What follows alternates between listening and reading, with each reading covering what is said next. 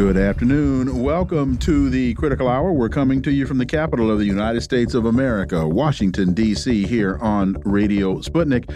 I'm your host, political scientist, author, and nationally syndicated columnist, Dr. Wilmer Leon. I'm joined here by my co host, political analyst, Garland Nixon. Thank you, Wilmer. For the next two hours, we will explore and analyze the salient news stories that are impacting the global village in which we live.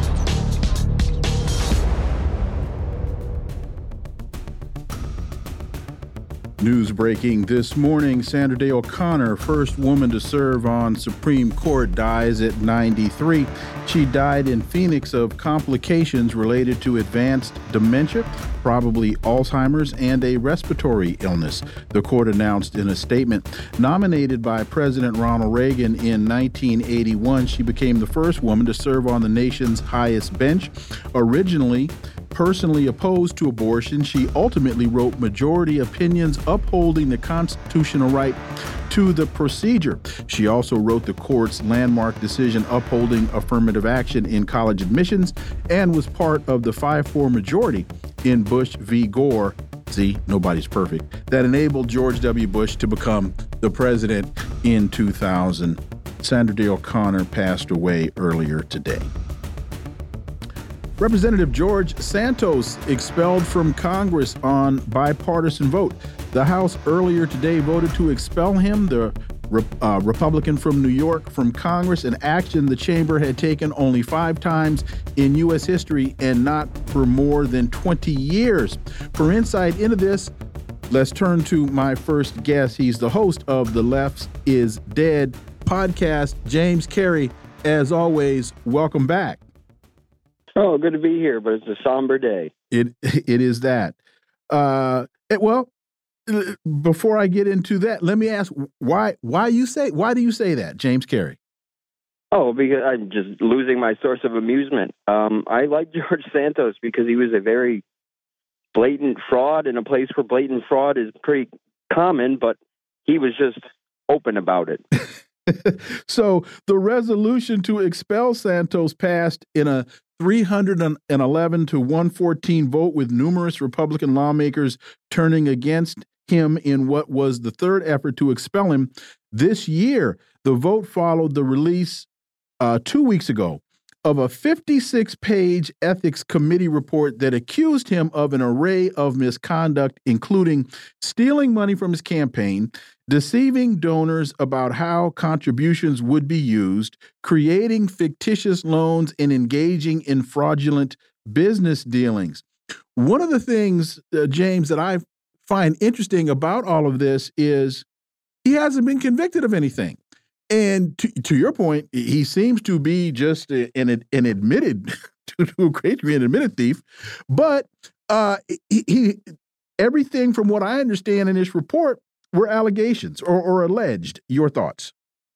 Yeah, I mean that's one thing. Is it is important to remember it's when we see this kind of with a lot of things now. You know, particularly private companies, but you don't have to be convicted of much to be taken down anymore. Um, and a lot of his ethics complaints are things that if he had taken one more step, he could have made these legal. You know, using campaign donations illegal if you do it properly, but he just chose not to do it that way. Uh, but I think his yeah, the thing is he's not convicted, and the thing he's not done anything insanely outside the scope of what other people do in Congress or who have private foundations. I mean, there's a McCain Foundation. There was obviously a Clinton Foundation. There's all these things that run dark money back and forth, and there's super PACs that start up all the time. Every election, we got new dark money going in there. And I think that Santos' thing is he just managed to do it so poorly and so lazily that he got caught. And uh, not being convicted, I mean, I don't even think he should be in trouble. He didn't do anything too crazy for Congress, as far as I'm concerned. You know, I got to say, I hate a thief, but I really hate a stupid one.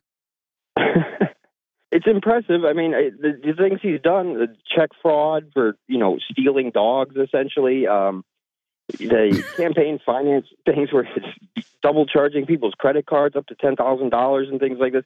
It's wild how much he does, but it, you know, is there really much more of a scam going on if you're donating to the Republican Party in general? I don't think so. Where does your money go? It's being thrown in when rich donors' money. Either way, it's being spent on luxuries for candidates and for campaign advertising and those advertisers and TV producers and all these things, you know. So I mean, Santos just spent his crooked money in a much more crooked and open way, and was much lazier and worse at lying about it. What does it What does it say to you about uh, New York Democratic Party politics in in the fact that he was able to? Because I believe he defeated a, a long standing, uh, uh, maybe he, he uh, the person he replaced, I think, retired. If, uh, if my memory serves me correct. So. Huh? But I I do know during that election that there was a chance for it shows the Democrats sort of incompetence, right? Um, right. There was a chance to hop on the background checks for Santos at the time, and his uh, Democratic opponents and their you know their strate strategic planning decided, well, we'll leave it because we don't. They thought it would be a sort of Streisand effect where they're going to draw more attention to Santos if they pointed out that he's basically lying about everything he says he's done in his life. Um, so it shows their incompetence. You know, I mean, the kind of you saw this too in. I guess it's New York Democrats. They think they have a Death Star going on up there, but I mean that's how AOC won her seat. As much as she's fallen in line now, she kind of won by nobody watching the shop, and that seems to have happened again with Santos. He's a Republican who's, like you said, won in a long-time Democratic district, and it just shows uh, you know, we talked about this the other day with messaging from Biden around the economy. It just shows the poor strategy of the Democratic Party as a whole. Speaking of, uh, you you you mentioned uh, PACs being created every day. DeSantis' struggle grows. This is from the Washington Post.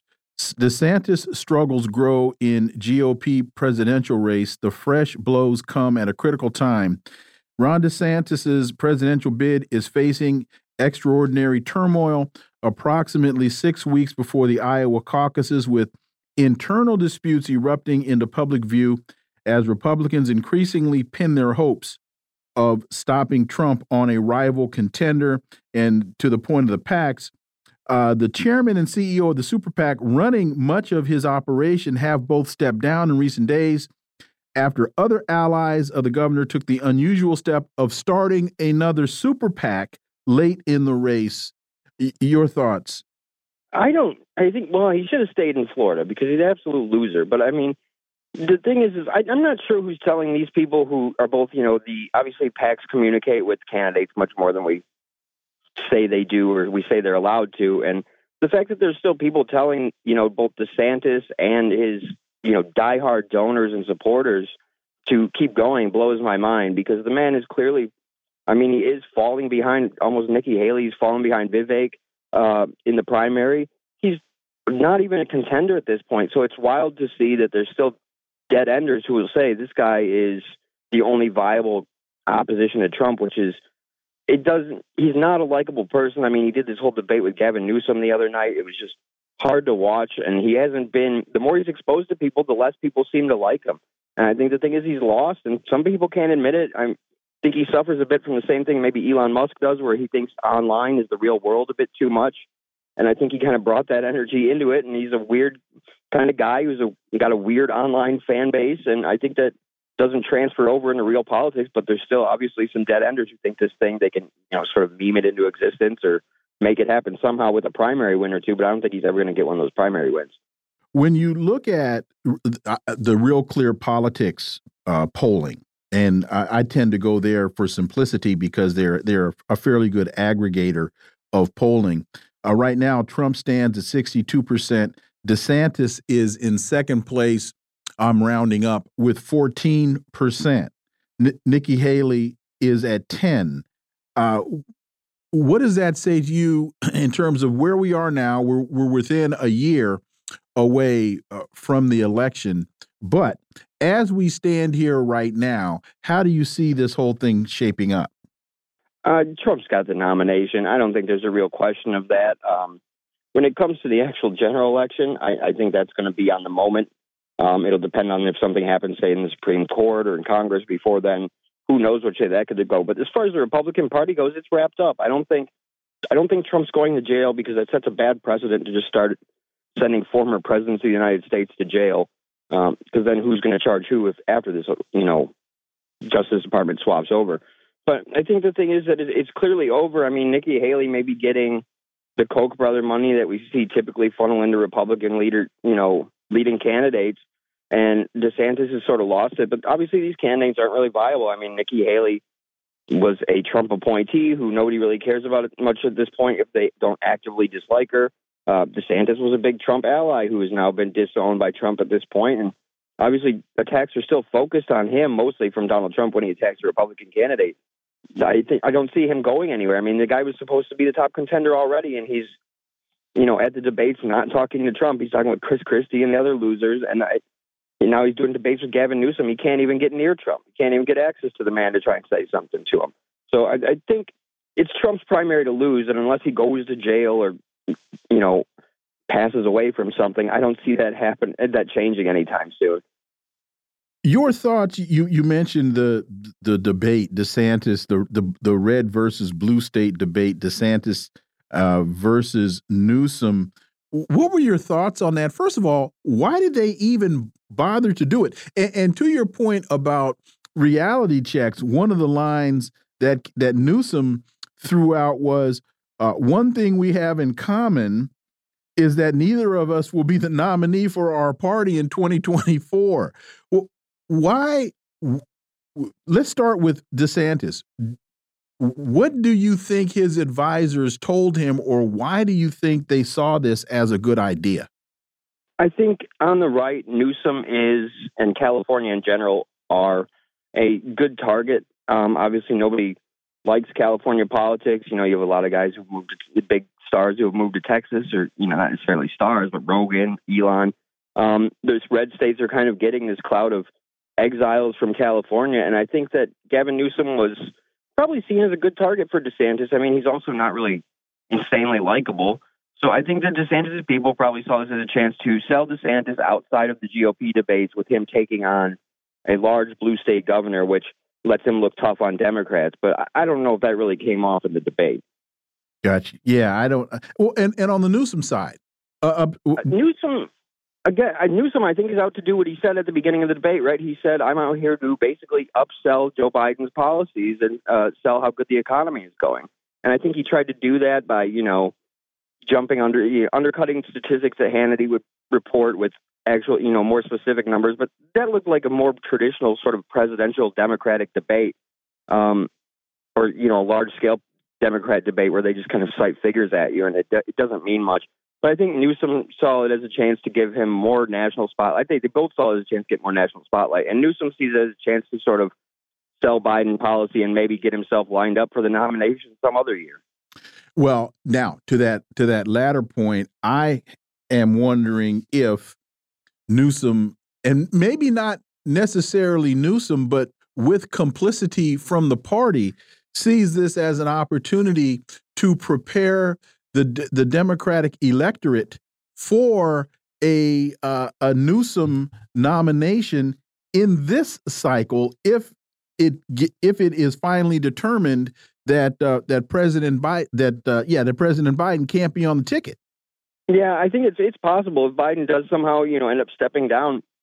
Newsom obviously Kamala can't do it. She never won a single delegate during a primary. Um, I think Newsom's probably the besides maybe Whitmer here in Michigan, he's one of the highest profile Democrats who could possibly step in. And I don't, I think he's trying to build a brand because if you look at the Democratic Party, I mean, we have Biden for a reason, right? There's no stars in the Democratic Party. Nobody could really overtake Bernie or Biden in those in the 2020 primary. And 2016 was between two people essentially. You know, it was Bernie and Hillary, and Hillary lost to general. So I think that Gavin, even if he's not coming up for this election, they need to build a brand of some backbencher that they don't have right now. There's no rising stars in that party. I mean, there's barely any young people in the caucus of that party. Um, and they need somebody because the Hillary and Obama wing is sort of running dry now. You know, that well has been pumped up to its max, and Hillary can't run again because she's never going to get it. And again, Kamala can't do it as a likely choice as the VP. So I think it, uh, even if he's not running this time or Biden's not planning to step down, Gavin is definitely building a brand to try and become a Democratic nominee at some point. Now, you're in Michigan, so let me throw this one to you. If um, the Democrats do make the decision that Joe Biden can't be on the ticket, understanding they have alienated uh, uh, Arab Americans in Michigan and African Americans in Michigan, a Chris, a uh, Gretchen Whitmer on the ticket either as a VP nominee with uh, with, Gavin, with Gavin with Gavin Newsom. Yeah. Or yeah. Wait a minute. Uh, let me throw one more one more fish okay. in the pot. to placate angered women who would be disgruntled at the fact that the Dems have abandoned Kamala. They put Gretchen Whitmer at the top of the ticket with Gavin Newsom as the VP because the Dems can't win the White House without Michigan. Your thoughts? I think that, yeah, I think she would actually be a better candidate for the top of the ticket. I think she would be, um, I think they'd be wise to make, you know, if she's not preparing something for next election or maybe this election, she should be because I think she's the most viable Democrat out there. And like you said, uh, African American votes and a big constituency, Arab American votes in Michigan, have both basically signed off on Biden. I mean, I've been at actions for there's actions for Palestine here every day now, and I've been at some every weekend. And they're fairly large so I mean, they managed to block the Ohio State bus coming into, you know, they divert the bus for Ohio State at the big Michigan Ohio State game. Um, so I think there's a lot of energy here, and Whitmer has managed to latch onto a lot of that. She did a lot of spending during COVID. She does a lot of spending now. Um, I think she'd be a much better choice than Gavin Newsom to be the top of the ticket, and maybe their first woman who's an actually viable candidate. So I think if there's anyone who is kind of in the up and coming talent pool who has a brand built, especially as an opposition to Trump, it's going to be Whitmer more than it's going to be Gavin Newsom. Common Dreams has an interesting piece. The American people deserve answers. Subpoenas issued for Crow and Leo. Quote, today, the Senate Judiciary Committee sent a strong message that the rich and powerful cannot evade scrutiny or accountability. Democratic lawmakers on the Senate Judiciary Committee yesterday said Republican members could uh, conduct, uh, spoke, uh, I'm sorry, Republican members' conduct spoke volumes as the GOP used every uh, permutation of obstruction to try to prevent the panel from subpoenaing millionaire megadonor Harlan Crow, uh, as well as Leonard Leo. All of this as they try to figure out these gifts to white ring white right wing U.S. Supreme Court justices.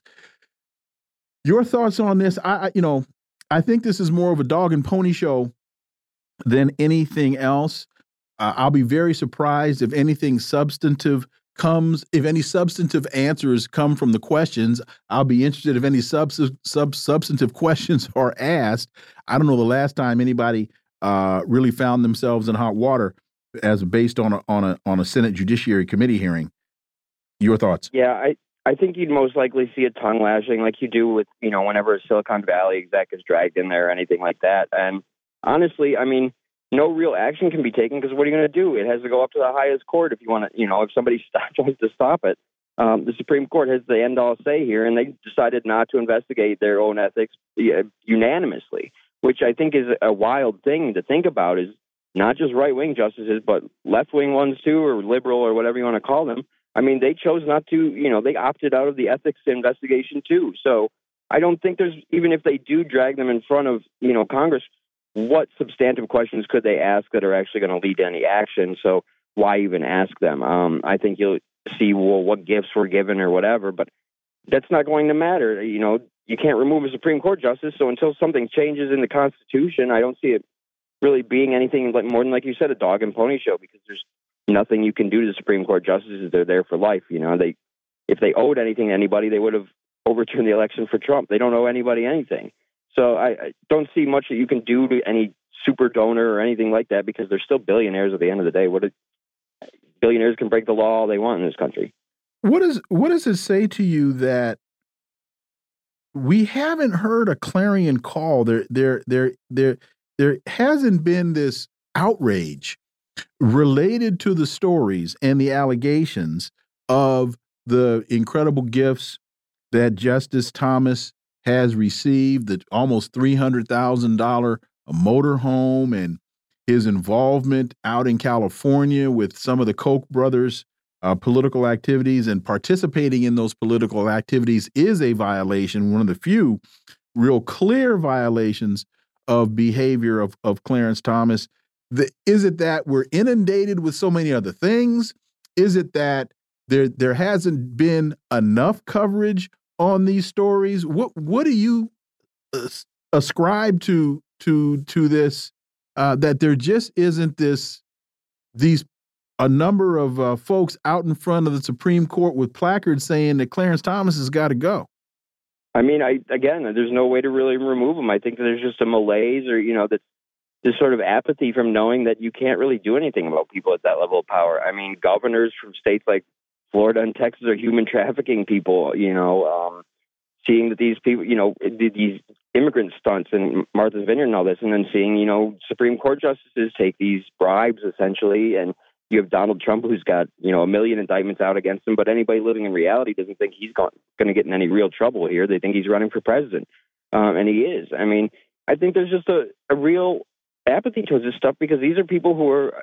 I mean, talk about a deep state. You can't remove these guys for life. They get to go when they want, and I think that people know that there isn't much you can do. I mean, any type of resolution by a lower body or other branch of government is not going to really do anything. I, they're sort of impenetrable, and I think that that really is just reflected in people's attitudes towards it. I don't think anybody really thinks they can do anything about it. Nobody can remove a Supreme Court justice, and I, why try at this point? I mean, we try we've tried to voice you know all sorts of opinions, anti-war, anti-corruption. I mean, people voice these opinions all the time, but the United States government just refuses to listen. Right now, most people are against the war in Palestine, and the government refuses to listen. So I don't think anybody thinks anyone's coming to do anything about it.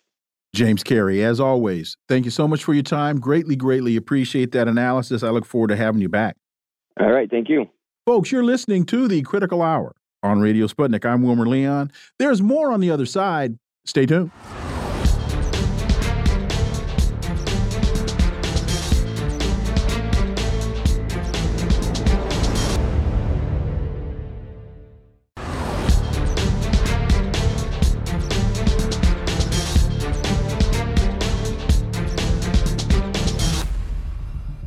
I'm back, and you're listening to the Critical Hour on Radio Sputnik. I'm Wilmer Leon. Rolling Stone pulled no punches on this one. Here's the headline Henry Kissinger, war criminal, beloved by America's ruling class, finally dies. The infamy of Nixon's foreign policy architect sits eternally besides that of history's worst mass murderers. A deeper shame attaches to the country that celebrates him. For insight into this, let's turn to my next guest. He holds the John J. and Rebecca Moores Chair of History and African American Studies at the University of Houston.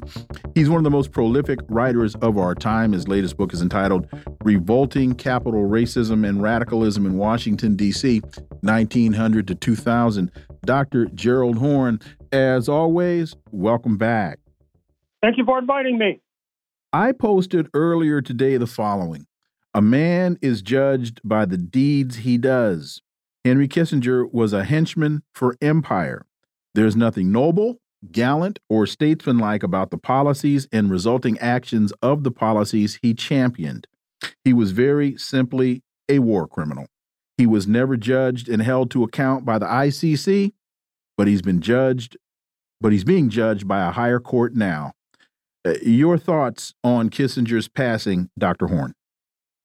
Well, I could not have put it better myself. Henry Kissinger passing away at the age of 100 at his palatial state, estate in Kent, Connecticut. He was certainly a war criminal. Recall that he was born in Germany approximately a century ago, arrived in the United States as the Nazis were coming to power, joined the U.S. military, played a, a central role in intelligence and counterintelligence uh, in the U.S. military, arrived at Harvard, where he matriculated and was catapulted into prominence when he wrote a book on so called limited nuclear war, believe it or not. The fact that such a harebrained concept could catapult him into the front ranks of the academic elite says something very troubling and disturbing about the United States. That brought him to the attention of Governor Nelson Rockefeller of New York State, an heir to a major oil and oily fortune. Uh, as you know, uh, Governor Rockefeller was not able to triumph in 1964 over the ultra rightist senator from Arizona, Barry Goldwater, uh, a man who, of course, said that extremism and the pursuit of virtue is no not necessarily a vice and or something to that effect, I should say.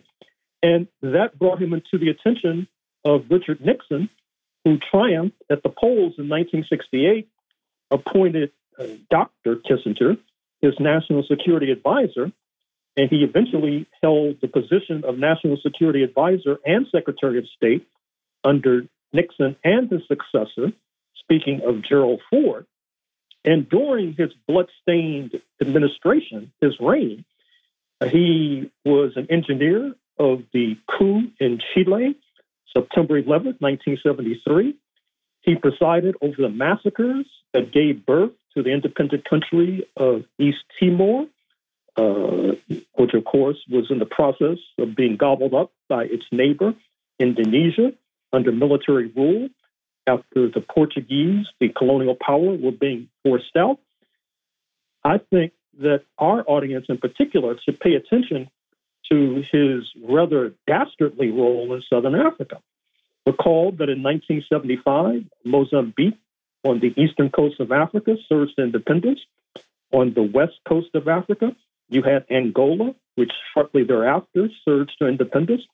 Both, like East Timor, had been Portuguese colonies, and of course, refer to the fact that you had the enormously profound revolution in Portugal in April 1974, which gave rise to these anti colonial triumphs.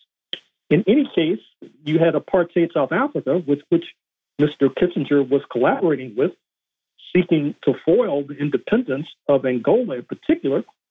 And we witnessed the dispatching of Cuban troops to Angola to vouchsafe Angola's independence. And I found it extraordinary that just the other day, you had the president of Angola, President Lourenço, uh, visiting the White House. It's very unusual for an African head of state to visit the Oval Office, despite the fact that you have all of this hand wringing about the Chinese role in Africa. In any case, what happens is that the plan, the diabolical plan of South Africa to squash and squelch Angolan independence uh, did not succeed. And what happens thereafter is that uh, the U.S. administration, and particularly Mr. Kissinger, uh, blamed this on Cuba's allies, speaking of the Soviet Union.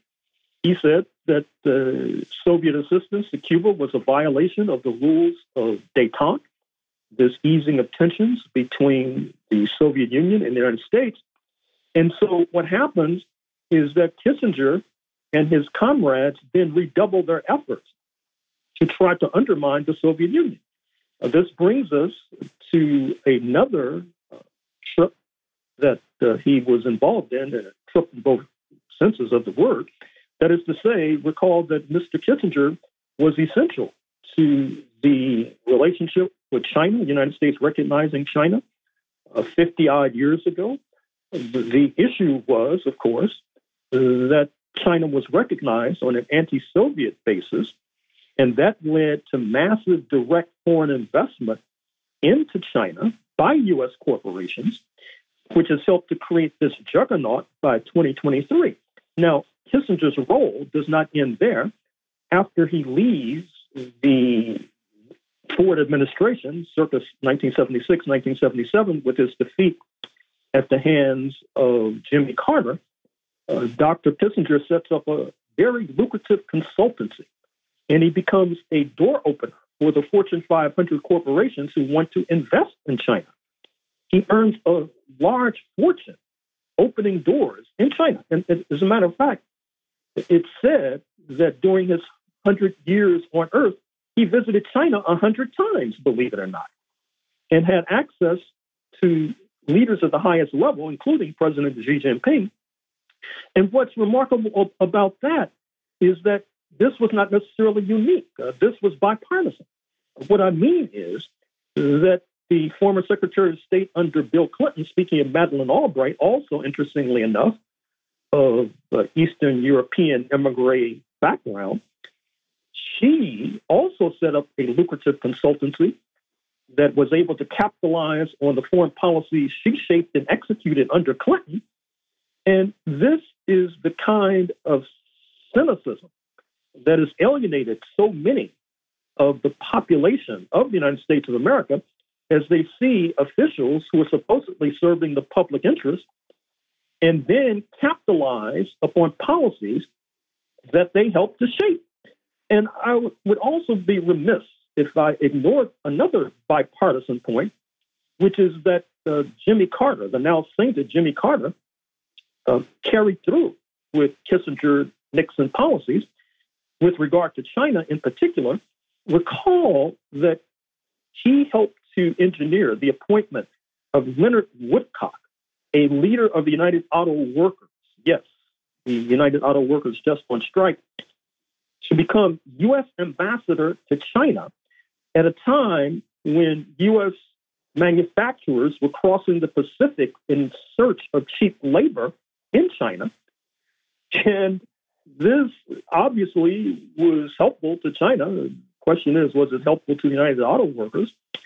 But once again, uh, this is the bloodstained and cynical and tragic legacy of one Henry Kissinger. Now, it's oftentimes said popularly that if you don't have anything good to say about someone after they pass, don't say anything.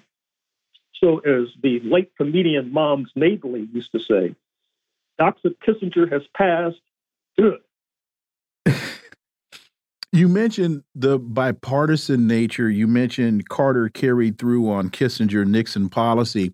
And we're going to be talking about the passing of Kissinger throughout this program today because I think it's more important to talk about the policy than the person in that the bipartisan nature of it.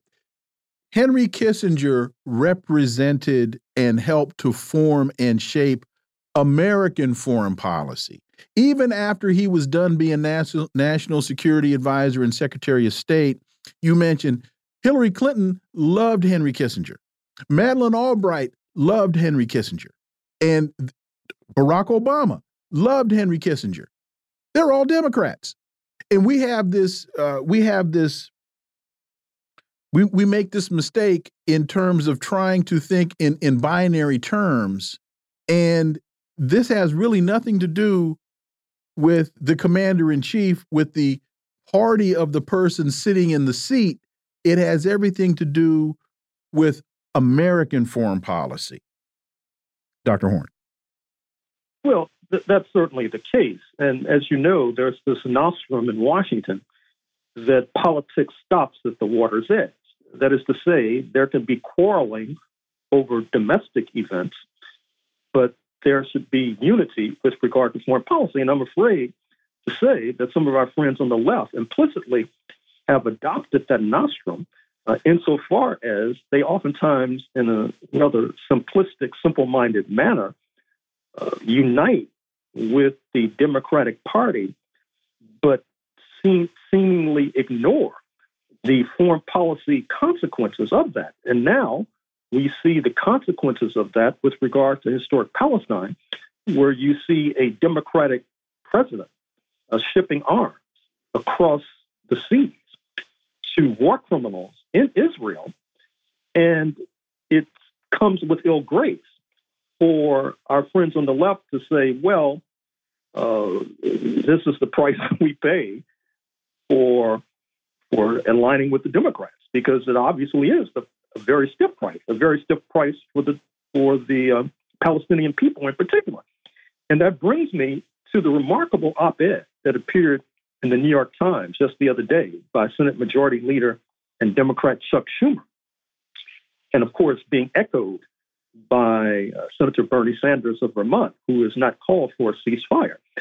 Uh, Senator Schumer, rather remarkably, talked about how the Zionist lobby, the Israeli lobby in the United States, they feel, quote, alone, unquote. Mm-hmm. Alone? Interestingly, he chose that particular term, despite the fact that their policies are being backed by the White House, by a good deal of the capitalist world, that is to say, by the Federal Republic of Germany in particular. And I'm I'm scratching my head trying to figure out what he meant by that. Is, is he suggesting that unless there's unanimity of, of opinion, the Zionist lobby feels alone? And what's remarkable about that is that that's not the opinion of Senator Schumer alone. Uh, just a few weeks ago, if you check, you'll find a column by the hard nosed New York Times columnist Bret Stephens, who uses the same term, saying how the Zionist supporters in the United States feel, quote, alone, unquote. Um, I'm, I'm trying to figure out what they mean by that. But what I think that they should be paying attention to is what many of them are ignoring. For example, the purpose of Senator Schumer's op ed was to rebuke and reprimand forces on the left who he feels are insufficiently supportive of Israeli war criminals. But at the same time, he was making that statement on the floor of the Senate and pinning that op ed in the New York Times. You had a similarly remarkable uh, op ed that appeared in the Wall Street Journal, where, in attempting to defend Elon Musk, the billionaire, who, as you know, on his platform X, also known as Twitter, endorsed a notoriously anti Jewish statement by some random poster, and then engaged in performative penance by going to Israel and breaking bread with Mr. Netanyahu himself. The writer in the Wall Street Journal then assailed the Anti Defamation League of B'nai B'rith, a major component of the Israeli lobby in the United States, and a major target of Elon Musk, too, by the way. And he used the term, quote, identitarian, unquote, to apply and to affix to the ADL. Now, for those not in the know, that is a descriptor that's ordinarily used to help to discredit a black folk. Uh, black Lives Matter is identitarian. That is to say, that uh, it should not be taken seriously. The folks like Senator Schumer should recognize that they may be in deeper water than they realize. When you have the Wall Street Journal affixing labels to the ADL that are ordinarily affixed to black folk that they want to discredit. Uh, this suggests that Senator Schumer should have better spent his time on the Senate floor and in the New York Times Instead of rebuking and reprimanding those to his left, he should be paying more careful and close attention to those on the right. Because what's happening now is that, as the press has reliably reported, there are growing fissures and rifts in the U.S. ruling class about this Palestine policy, not least because, as we speak, there is a sweeping boycott that is being engineered in the West Asia region and in uh, places like uh, Istanbul. You might have seen the video, for example, of a protester, a pro Palestinian protester in Istanbul, releasing mice in a McDonald's franchise, mm-hmm. Istanbul, uh, sending customers scaring hither and yon. Uh, you have Starbucks that are sitting empty because people refuse to patronize uh, this emblem of U.S. imperialism. And there is a danger, according to some, that this boycott of U.S. Fortune 500 corporations to spread like wildfire, use, leaving U.S. imperialism in a very ticklish position. Should they continue to support the depredations of the war criminals in Israel, or should they seek to try to walk away from Israel without saying they're doing so? In other words, what they're doing in Ukraine to try to pull the rug out from under the regime while acting like you're not doing so, or in other words, to pat them on the back with one hand and sort of pick their pocket with the other hand. That is the rather ticklish dilemma faced by U.S. imperialism, which in many ways is a direct product and outcome of the cynical and opportunistic policies basically engineered by the late Henry Kissinger, which who is now being celebrated, although I dare say that in the larger scheme of things, when history is finally written in an accurate and adequate manner, uh, he will be demonized as he well should be. We have just about a minute and a half left, and I want to uh, go back to Schumer on the floor of the Senate. He he said that because many of the incidents targeting Jewish people have come alongside left wing demonstrations against Israel, liberal Jewish people are feeling singled, targeted, and isolated. He specifically called out the phrase from the river to the sea, saying it alarms Jewish people to hear it used. I see a couple of holes in his logic. First of all, he seems to be very subtly, or maybe not so subtly, blaming the left and their support of Palestine for the plight of Jewish people and, and, and the reaction of Jewish people in this country. He is he and others uh, like Tony Blinken are conflating or equating opposition to genocide to anti Semitism. And these two things are not related. But they continue to want to try to make them related as leverage against those who are in support of freedom and those that are against the genocidal acts of the occupying forces against those being occupied. Um, I could go on, but quickly, your your thoughts. Well, let's face it. Uh, Mr. Schumer has presented an argument that is full of holes as a block of Swiss cheese. He should be paying more attention to, as I've already suggested, to these malevolent forces on the right uh, who are determined, it seems to me, to not only uh, engineer a wave of anti Jewish fervor, as evidenced by the antics of one Elon Musk, but also are the folks who actually wield the real power, not Jewish Voices for Peace, not Students for Justice in Palestine. And in any case, I had thought that when people uh, join Black Lives Matter protests and the like, that it's not seen as transactional. I assume that they're joining the protests because they object to black people being shot down like dogs in the street. Okay. For engaging in civil actions. Dr. Gerald Horne, as always, thank you so much for your time. Greatly, greatly appreciate that analysis. I look forward to having you back. Thank you. Folks, you're listening to the Critical Hour on Radio Sputnik. I'm Wilmer Leon. There's more on the other side. Stay tuned.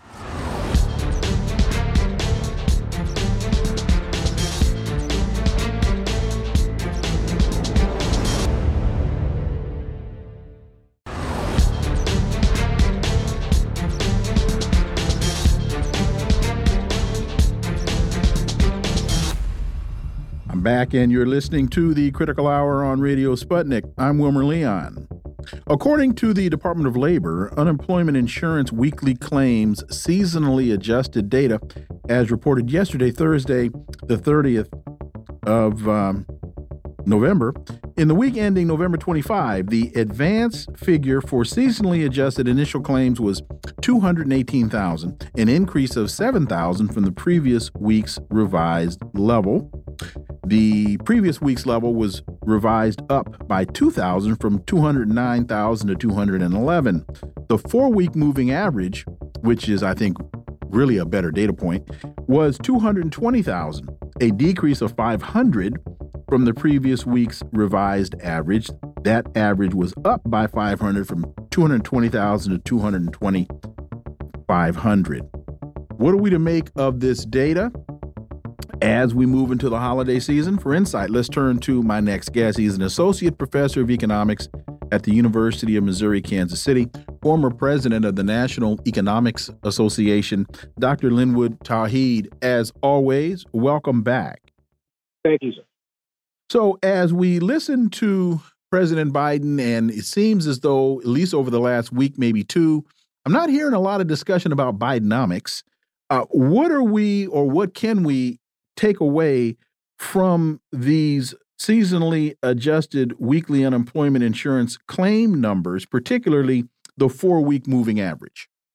Well, one of the things uh, it's important to understand is that uh, what seasonally adjusted means.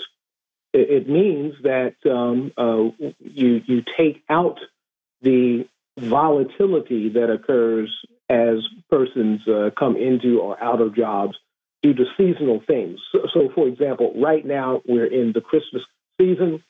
Uh, Christmas shopping is has started uh, from from Black Friday, and uh, stores would have hired persons to uh, to uh, be be clerks and, and salespersons in stores. So the seasonally adjusted average now would take into account the fact that you have these these uh, ups and downs in the economy. Right now, we should have less fewer claims uh, then more claims because seasonally adjusted would mean that persons are are finding jobs in in retail. Uh, the fact that we're going up instead of down is is an ominous uh, uh situation uh, in in this season when when retail should be should be booming.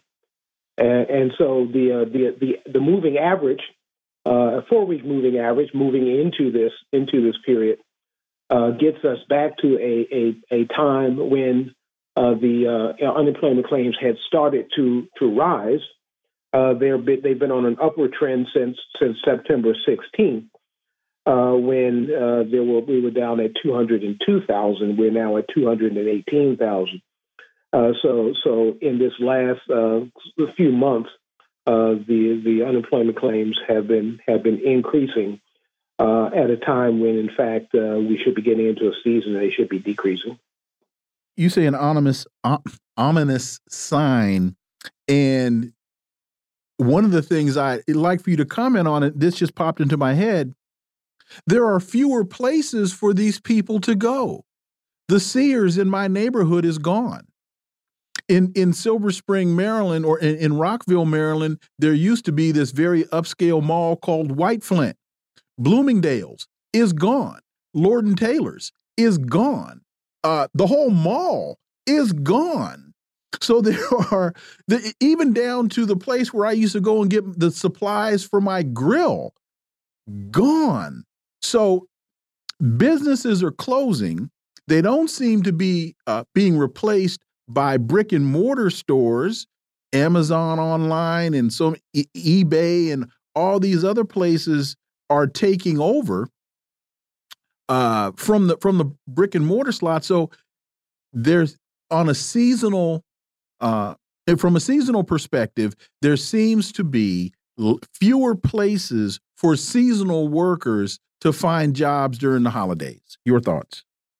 Yes, I, I think your your analysis is correct here. You know, we we have fewer brick and mortar.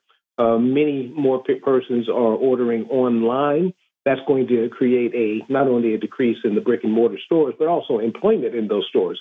Amazon, in, in delivering its products, you order online, you don't have a salesperson selling you anything, and so that that position is not needed. Uh, the delivery uh, is uh, is in bulk basis, and so you don't need uh, very many people delivering those products. And so Amazon online online shopping is in fact going to going to decrease the number of of shopping uh, um, in, in, brick and mortar situations. But there's also those stores that you mentioned are, oh, I would say middle or upper middle class stores. Mm-hmm. Uh, they're, they're places with, with persons who generally don't have a problem with income uh, are going to shop. They're not the Family Dollar or the Dollar General. So, so when they are closing, I think it's not only because of the of the online shopping with Amazon, I think it's because persons in the middle class have less income. Now, that's, that, that is a fact. Uh, the middle class is shrinking. And so stores that would cater to the middle class are, are, are going away. And if the middle class is, is buying, they're buying online. Uh, the poor are buying in the Family Dollar and Dollar General, and those and those stores are closing in, in, in neighborhoods. And so the poor and the middle class are, have have much less money to spend. Of course, we know the wealthy have more. And, and here's another point about those stores: they were institutions in this country. Sears, Sears and Roebuck, was founded in 1893. I mentioned uh, Lord and Taylor, 1826. It was founded in New York. And so for just for just about my up to most recent years of my lifetime, these were institutions in the country. Can we say too big to fail? That many people thought that they were too big to fail, and now uh, they are failing. Yes, uh, absolutely, and of course, uh, those institutions uh, as as as happens many times, are replaced by other stores of that same caliber, uh, just stores that have a better better business model or or better advertising and so forth. Uh, they're not; these stores are not being replaced by by competitors. They're going out of business, and their, their competitors are not coming into business as well. And so, in this season, when we should have uh, more retail sales, we have we have fewer retail sales. Common Dreams has a story as GOP pursues death panel. Polls show 81% oppose social security cuts. The Republican led push for a fiscal commission to examine Social Security and other key programs is specifically designed to avoid accountability from voters, argued one critic. Um, the, this poll found that 81% of registered voters from across the political spectrum are against cutting funding for Social Security and Medicare, while 82% support increased funding for the programs. Speak to this. We, we have been saying for years that cutting of social programs has been the underlying agenda of both parties for a very long time. And when you look at this issue of cutting Social Security and Medicare, the fix is incredibly simple. Just raise the ceiling on social on your social security tax from what is it $146,000 of salary to I don't know pick a number from 300,000 to to a million and your problem can be solved. This is and and it's very interesting that I don't hear that solution being promoted. Well, well, Bernie Sanders and Elizabeth Warren have been promoting that solution. Uh, Bernie Sanders has has uh, proposed a increase in the Social Security tax for those making over four hundred thousand who are currently exempt. Yeah, yeah, but my point is, when was the last time you heard that discussion in in the last six months? on MSNBC or CNN or whatever, pick a pick a one. When was the last time you heard that discussed?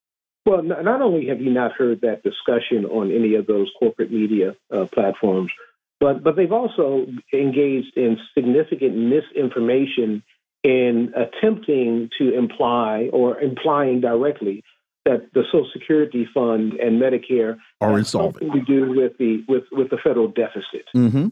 Uh, the, the, the Social Security system has a surplus in terms of, of, of, money coming in. It brings in more than it pays out. So it, it not only does it not have a deficit, but you have other agencies of the federal government that are borrowing Social Security surplus in order to fund their deficits.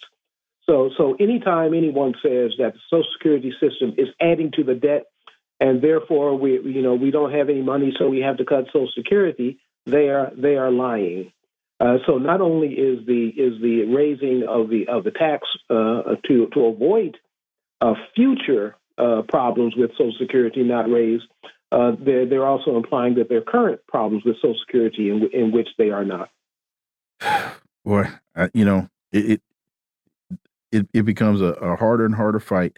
Uh, the Wall Street Journal Fed's interest rate hikes are probably over, but officials are reluctant to say so. why is that?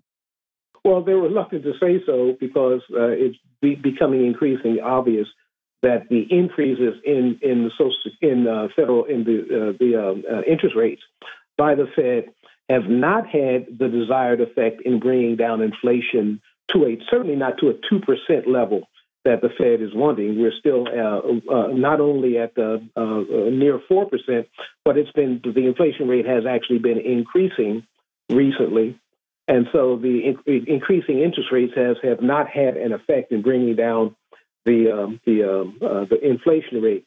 In addition. Uh, one of the metrics that the Fed is using to to determine when they should stop increasing interest rates is is the um, the unemployment rate that rate is going up a bit now, but it's certainly not is not going up uh, to the to the level that the Fed wants it to go up. And I say it that way deliberately because the Fed is by in, by increasing interest rates.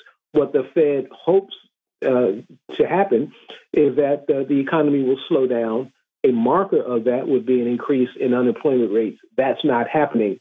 Now, now we've talked about why that's not happening before, Mhm. but the Fed is is is uh, they are they are dumbfounded that their increased interest rates have not increased the unemployment rate uh, nor sufficiently brought down inflation. One thing it has done is is lower the value of, of bonds that were held uh, from from earlier times. Okay. So you have, for example, you have banks that have bonds in their portfolio that they purchased at uh, a certain price, and now those bonds are worth half of what they were worth when they purchased them. I got to get out. on the books of banks. Dr. Linwood Tauheed, as always, sorry about that. Got to get out. Appreciate it.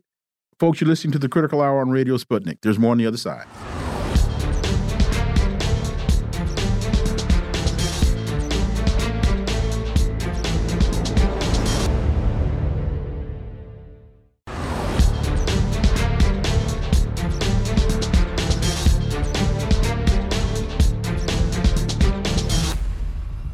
Back, and you're listening to the Critical Hour on Radio Sputnik.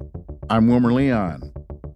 As I discussed with Dr. Horne in the first hour, Rolling Stone pulled no punches on this one, and here's the headline Henry Kissinger, war criminal beloved by America's ruling class, finally dies.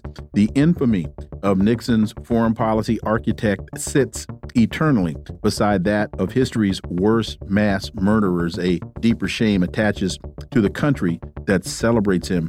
For insight into this, let's turn to my next guests.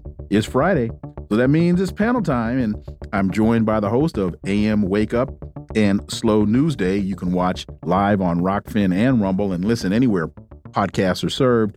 Steve Poikonen, as always, Steve, welcome back. Great to be here, Wilmer. Thank you. We're also joined by an independent journalist whose work can be found at Substack and thepolemicist.net, Dr. Jim Kavanagh. As always, Jim, welcome back. Thank you for having me, Wilmer. So, Henry Kissinger, uh, national security advisor and former secretary of state under two presidents, has long evaded accountability even after death. This is according to uh, Rolling Stone. Uh, but on Wednesday, the notorious war criminal responsible for deaths of millions died at the age of 100. Uh, Jim Kavanagh, your thoughts on this and what I have found interesting and in, in what I really want people to understand is not the discussion about how deplorable Henry Kissinger was, but the fact that what he represents is bipartisan. What he represents is America. He doesn't represent a particular policy. He doesn't represent an ideology of a particular party. Uh, what he represents is imperialism and and and and uh, uh, an empire. Dr. Jim Kavanagh. Yes, that's a good point. And the, uh, Ackerman, I think, is the, wrote this article, makes that point in, in a nice way in the article.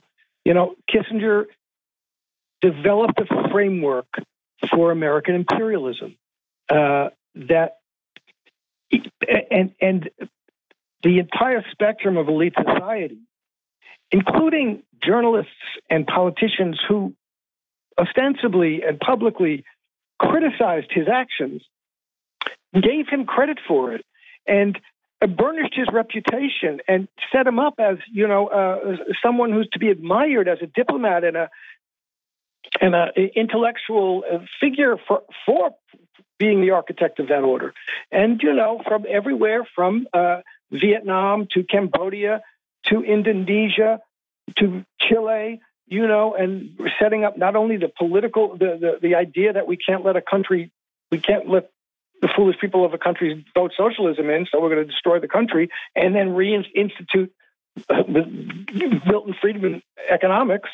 Uh, you know, this is, uh, and he set uh, precedents for bombing countries without any notification to Congress, without it, that now have become picked up and used by every president, including Obama, as uh, you know, just what we do now. We bomb countries when we want to bomb countries. And uh, whereas, you know, it was interesting that the, the moment when they talk about how in the uh, Watergate impeachment re- resolutions against Nixon, one of the impeachment resolutions was that he ordered the bombing of, of Cambodia surreptitiously, unconstitutionally, and they took that resolution out of the impeachment uh, resolutions that were passed because they didn't want to set the, they didn't want to really go on record opposing that and, and impeaching a president for that. And therefore, since we've been doing that constantly. So Kissinger was the architect of the new world uh, order, you know, rules based order, which is the Americans make the rules and the rest of the world makes their orders. And uh, Steve, it, it's amazing to me how beloved Kissinger was by Hillary Clinton, Madeleine Albright. Uh, he he's the architect of the policy, the imperialist policies that they employed. And uh, I posted earlier today, uh, a man is judged by the deeds he does. Kissinger was a henchman for empire. Maybe I should have called him a goon. There is nothing noble, gallant, or statesmanlike about the policies and result, resulting actions of the policies he championed. He was very simply a war criminal. He was never judged and held to account by the ICC, but he's being judged by a higher court now. Steve. Well, I guess we're done for the day then, Wilmer. We, you you said it all right there. Thanks for coming out, everybody. I appreciate it. Um, Henry Henry Kissinger uh, has been described as uh, a gigantic blob of satanic jello by uh, uh wonderful independent journalist uh, Whitney Webb, and this is I mean we effectively for the last what forty five years we've mostly had the semi sentient liver spot that has been Henry Kissinger. But here's what Rolling Stone missed. And here's what's really important is that as soon as Kissinger finally shuffled loose the mortal coil and the world got a little bit lighter, Eric Schmidt experienced the quickening because Eric Schmidt, former Alphabet CEO, is Henry Kissinger's appointed heir. So all of this, and Jim hit the nail on the head when he almost said New World Order. That's exactly what Henry Kissinger said. Uh, the the concept of what what a new world order is, or what Klaus Schwab and the UN and the World Economic Forum all resultant from uh, uh, you know various ideas by Henry Kissinger uh, have called the new global governance or the rules based order. Uh, all of these things stem from Henry Kissinger. And now that we're marching headlong into this, the people who have picked up his mantle are Eric Schmidt. They are a lot of the people that have been making a number of the policy decisions uh, that involve the phrase build back better and Bidenomics. And that's why the country looks a little bit worse than uh, parts of the Bronx in about 1981.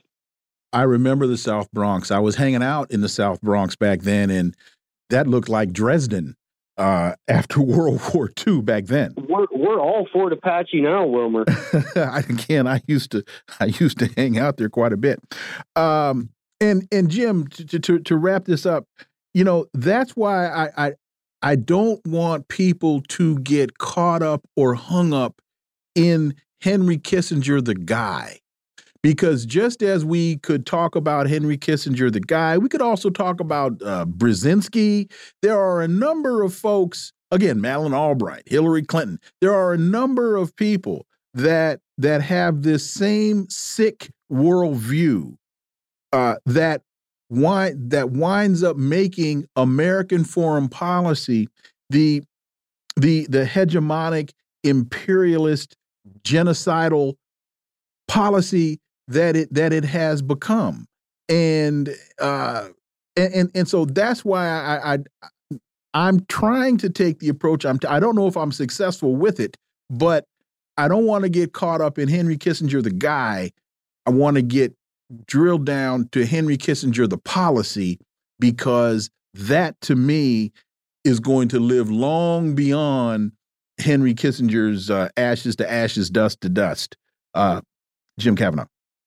Yeah, there's a it's a good point. There's a kind of anger at Kissinger exemplified by uh, my old good acquaintance Henry uh, Anthony Bourdain, you know, who hated Kissinger. Mm -hmm. I hope he comes in the bar, I'm punch him in the face. but as you say, there's a bunch of guys and gals out there. you know, there's a team. In fact, let, let me just let me just quickly jump in and say, for all the folks on the so-called left, all the Obama files and Obama fights on the left, Henry Kissinger was Obama's dude. Well, do you know Obama's famous phrase, where America is the indispensable nation, mm -hmm. which is repeated now by Biden, and which was that was the bar that was set by Kissinger. We're the nation that runs the world, and we're going to arrange things, and really can't be done ser seriously without us. And you know, he, he, literally said something like, "I don't think the South Vietnamese understood what we were doing." The South Vietnamese, they didn't understand because for them it was just a grift, and it was just you know they, they, he was setting up in South Vietnam, uh, of course, a comprador elite that was living, you know, it was a corrupt elite paid by the United States, and uh, so they didn't really understand the mission of America in the same way that, that Henry Kissinger did. And all these guys and gals you mentioned, uh, Clinton and Albright, and now we have Blinken and Sullivan, and they're part of, uh, you know, because what gave rise to Kissinger, uh, you know, Kissinger came out of the Rockefeller, CFR, uh, Council Foreign Relations, are a set of institutions and educational institutions, the academy and political NGOs, et cetera, that are set up to produce the foreign policy elite. And those institutions are based on American imperialism and America being the indispensable nation and setting up the ideology that, you know, we're doing some kind of good, some humanitarian, it, it's kind of imperial, missionary, what I call missionary imperialism. We're bringing democracy to the world. What we're really doing is, uh, in Kissinger's epic, saving capitalism. We're the last, we're the last guarantors of guarantors of every capitalist regime in the world. And now uh, we're saving, trying to save American capitalism, uh, and uh, that's it's not a it's it's not a person. It's it's a team, and it's a set of institutions that creates and graduates uh, the the people who uh, people that team, the members of that team. And and Steve, you know, uh, talking about Obama's comment, that just made me think about a, a part of his Nobel acceptance speech where he says, um, he says, I, I, am at the, he says, um, uh, and this is because I'm at the beginning and not the end of my labors. He said, compared to some of the giants of history who've received this prize, Schweitzer and King, Marshall and Mandela, my accomplishments are slight, no joke. But then he says, but perhaps the most profound issue surrounding my receipt of this prize is that I am, in fact, the commander in chief of the military of a nation in the midst of two wars. Uh, he's making the point, he's really not talking about peace. He's talking about American military adventurism. Well, he is, and then he went on to prove it by starting a number of more illegal wars and a policy and legacy that continues to this day, and now to the point to where we have ongoing conflicts uh, in Ukraine, in, all over Africa. We're subs- we've got boots on the ground in Israel. We are stretched so thin militarily, and we are all over the planet in ways that that Kissinger only dreamed would come from AI dominance, which, by the way, Kissinger, heavily influential in the way that AI is going to be regulated. So if you liked the the hand of Henry on your foreign policy, you're going to get it on your domestic AI policy too. Truce in Gaza ends without extension. This is from uh, Al Mayadeen English. Israeli occupation war jets pursue their airstrikes across the Gaza Strip as resistance confronts invading Israeli forces at the front lines. Uh, Dr. Jim Kavanagh, they're at it again. They are not going to stop. Um, you know, this is, uh, we have seen such horror over the past month, uh, you know, that two months almost now, that, that you know, Caitlin Johnstone said something the other day. It's like, are you watching this? Said, I must be missing something. This can't really be happening. I can't be really seeing what I'm seeing. And this is going to keep going on. You know, and what's what's really infuriating about this is that we know this. The Israelis say it.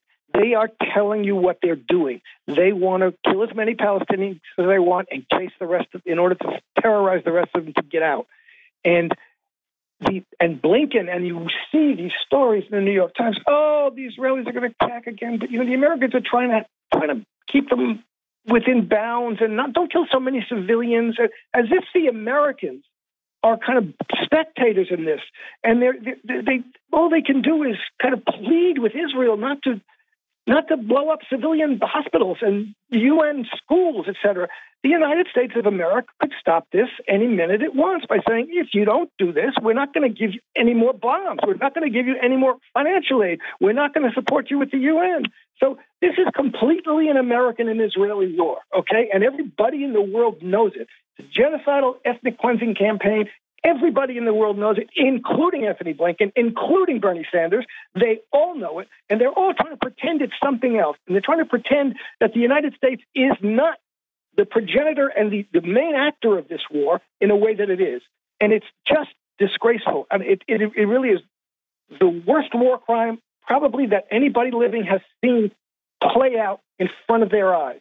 And the United States is completely responsible for it and American politicians and media who pretend that they don't know what's going on. Watching Chris Hayes talk to that Israeli woman yesterday, he knows what she's about. He's pretending as if he's talking to someone who really is a kind of uh, liberal humanitarian, uh, uh, you know, peace and equality for all. The Israelis aren't that. The Israelis are colonialists, and they know it.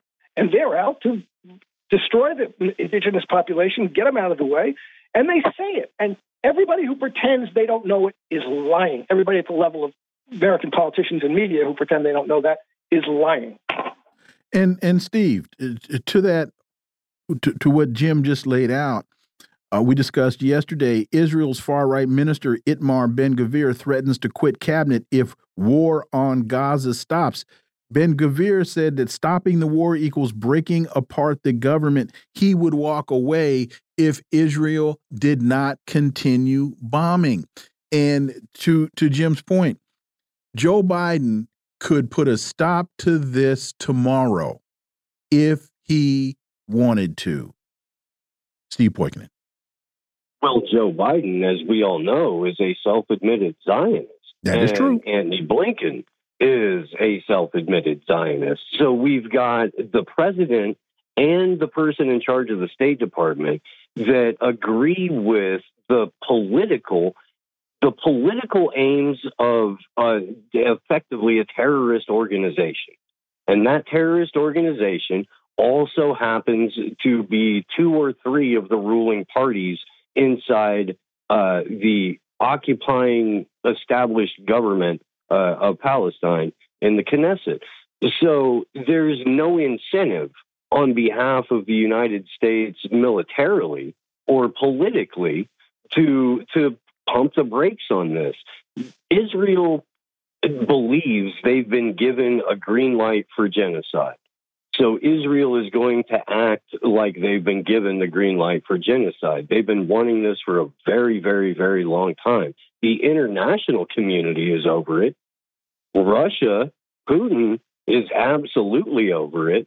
So that's where it might get interesting because this this is not going to. They've all said it's not going to stop in Gaza. The the next month is going to be the, it, it just incredibly horrifying for the region. And you know, to that point, Jim, uh, this just popped in my head as as Steve said that when we looked at Ukraine early on in the so-called U.S. or Western analysis, people were uh, ascribing this whole world domination idea to to President Putin. Oh, he he wants to take over the country. Well, that's actually what what Netanyahu is trying to do in occupied Palestine is take over the whole darn country. Um, but with that being said, now it's being reported, and uh, this just came out today or late last night. Israel knew Hamas's attack plan more than a year ago. A blueprint reviewed by the Times laid out the attack in detail. Israeli officials dismissed it as aspirational and ignored specific warnings. Uh, your thoughts, uh, Dr. Jim Kavanagh, on the reporting out of this story? Yeah, yeah. Um, you know, it lends credence to the idea that uh, well, they certainly they knew it could happen. it's, it's yeah, it's like the Obama determined to strike in the U.S. six months before he did.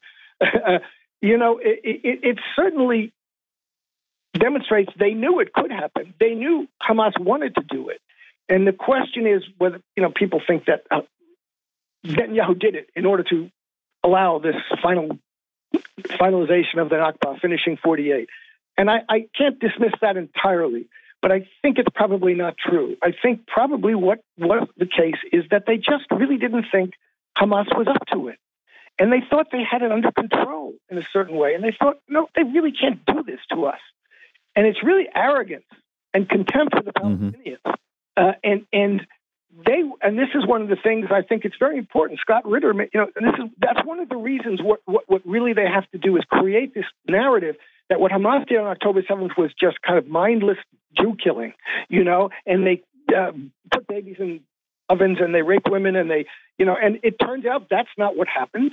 And you know, as Ritter points out, this was probably the most successful military raid of the 21st century. They went in there. They took over three military bases.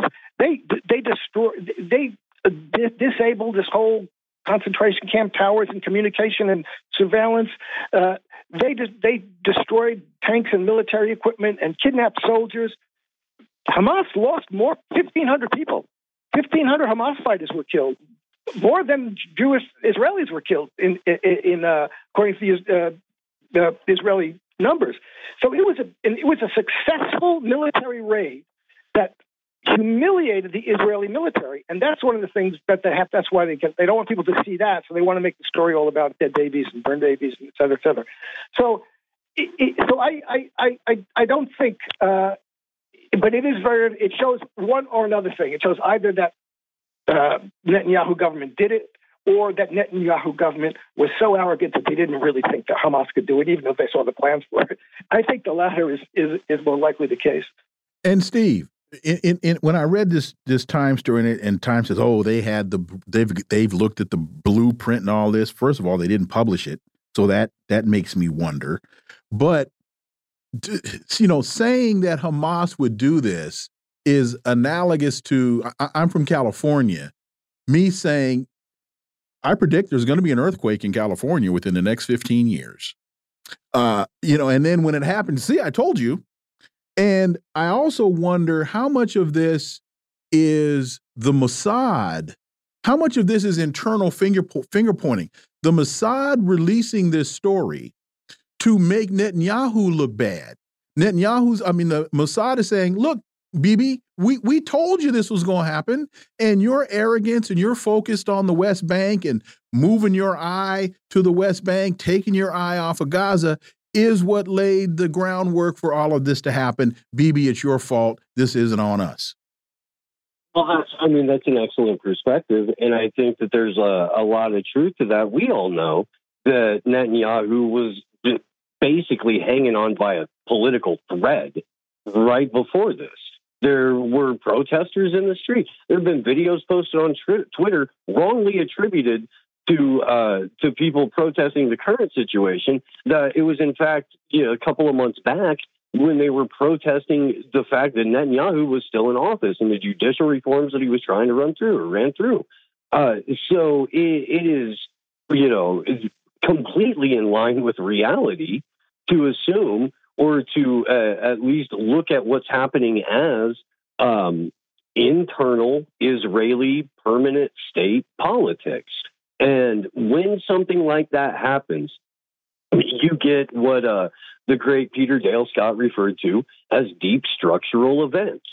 We, if you paid attention 21 years, 22 years ago, uh, in the month of September and the following months afterwards and started to learn about what led up to it, then you see Netanyahu come out and say, This was our 9 11. Well, that starts to sound a lot more like uh, an admission of guilt on behalf of not the entire Israeli government, not the entire Israeli military or intelligence services, but the key individuals in, in all three that, if not allowed this to happen, participated in and allowed this to happen. Uh, Dr. Jim Kavanagh, some say that 9 11 was, you know, George Bush was down in the polls and he was looking for an event. And he and Dick Cheney said, Hey, I think we got an idea here. Uh, we might let this one through. Just throwing that out there. History doesn't repeat itself, but it often rhymes. Uh, Israeli war on Gaza raising regional tensions for U.S. from Lebanon to Syria, Yemen, Iraq, and Iran. The possibilities of the conflict spreading are enormous. This is uh, Medea Benjamin and Nick Davies in uh, Consortium News. Uh, Dr. Jim Kavanagh, be careful what you pray for because you might get it. And I say that to Benjamin Netanyahu and to his uh, uh, brother in in Zionist love, Joe Biden. Well, you know, as I've written from the beginning of this, I think Israel, what Israel wants is a war with Iran. In this, they want to get the United States involved in a war with Iran. They think again, the Palestinian people only resist because there's some external force that's making them do it. So if we get rid of Iraq, if we get rid of Libya, if we get rid of Syria, if we get rid of Iran, then the Palestinian resistance will go away. Uh, and Iran has been, uh, you know, because they got rid of all the others in terms of their possibility of and ability to support the Palestinian resistance. And Iran, Iran has been and is now the, the one of the last readouts of real military and uh, material support for the Palestinian resistance. So I think Israel wants that. They've wanted that to happen for years. uh, they've been trying to push the United States in that field and almost got it. Again, I'll repeat Donald Trump called off with 10 minutes ago the attack on Iran that he had ordered. uh, so, uh, and that's so Israel pressure is, and Israel now has all these American military forces in the region, and they'd like to get them into that. The question is for the other, for the for the uh, for the, those who support Palestinian resistance, or at least claim to support Palestinian resistance, will they let Israel continue to do what it's doing? Because let's face it, Israel has already achieved a lot of what it wants in Gaza. It's pushed over a million people out of northern Gaza. It is going to continue to do this. It's going to destroy all the all the two million people it's now got in southern Gaza, and it wants to make life impossible for them and create a situation where, for humanitarian reasons, somebody in the world has to let them go somewhere else. And that's they're not Israel's not going to give up on that unless they're forced to. Some other powers in the world, whether it's Turkey, whether it's Russia, whether it's Iran, Saudi Arabia, if they really want to act, you know, they're no better than you know, Bernie Sanders saying, "Oh, I, I, I support the Palestinian people, but I'm not going to do anything," if they don't do something, because Israel will not be forced, will not stop this until it's forced to, and you've got to create some kind of coalition of of, of nations that can exert economic and military force that Israel and the United States cannot that will defeat Israel and the United States in this. It's a very bad situation. It's a very dangerous situation. Who's going to rebuild Gaza? Who's going to tell Israel they have to leave Gaza? Oh, well, Bechtel will rebuild it once all the Palestinians are gone and it can become Mediterranean uh, beachfront property.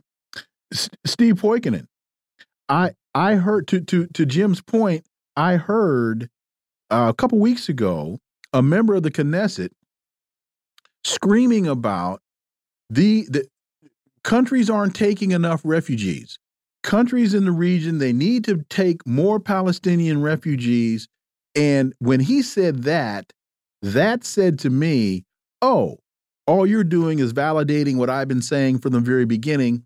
This is a land grab. It's been a land grab from the beginning and you want to turn gaza into high rent beachfront condos and resorts similar to what the united states is with the clintons is trying to do in parts of haiti uh, we got about two minutes, Steve Poikonen. Oh, well, you're, you're absolutely correct, Wilmer. And, and Elon Musk has even volunteered to help rebuild Gaza. This whole experiment is, is about trying to turn that region into a high dollar technocratic paradise. And let There's me just quickly also, say that's why, boys and girls, it's called settler colonialism. Yes, you, you are absolutely correct there. And this, I, we we see this in, in, projects all over the world. It's currently going on in Gaza, but there's also a different approach, and that is uh, Israel. Israel is no longer getting a pass for live streaming their genocide. Russia, China, Iran, Turkey start to exert a little influence, and Israel has no choice but to position to the BRICS nations in order for mere survival. Now, what that looks like on the other end of that, I have no idea. But it's a, uh, an outcome that that if things don't go the U.S.'s way, is much more likely to happen than not. And, and that's something that I think we we might have uh, we might want to look into and start thinking about because I do think that it is a, a possibility, um, almost a, more so than Israel and the U.S. continuing their alliance and being able to rain hell all over the planet. Steve Poikonen and Dr. Jim Kavanagh, gentlemen, thank you both so much for your time today. Greatly, greatly appreciated. Enjoy your weekends. And as always, I look forward to having you back. Thank you. Thank you very much, Wilmer. Folks, you're listening to the Critical Hour on Radio Sputnik. I'm Wilmer Leon. There's more on the other side. Stay tuned.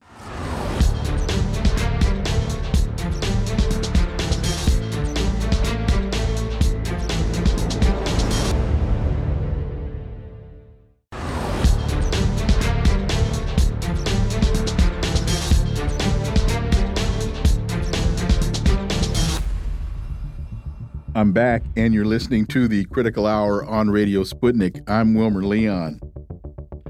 As I have discussed with other guests today, Rolling Stone uh, reported on the passing of Henry Kissinger, and their headline reads Henry Kissinger, war criminal beloved by America's ruling class, finally dies. The infamy of Nixon's foreign policy architect sits eternally beside that of history's worst mass murderers. A deeper shame attaches to the country that celebrates him. For insight into this, let's turn to my next guests. Uh, again, it's Friday. It's time for the second panel. We're joined by a political commentator and podcast host, host of the Misty Winston Show, and that means it's probably Misty Winston. it is indeed, Wilmer. Thank you so much for having me. We're also joined by the chair of the coordinating committee of the Black Alliance for Peace and editor and contributing columnist for the Black Agenda Report, and the Green Party candidate for vice president of the United States in 2016, Ajamu Baraka. As always, Ajamu, welcome back. Good to be here. Thank you. And I, we, we've been talking about this with other guests throughout the show because I have been trying to put this in a much, much broader context besides just Henry Kissinger. And there are two pieces of this uh, of this uh, Rolling Stone story.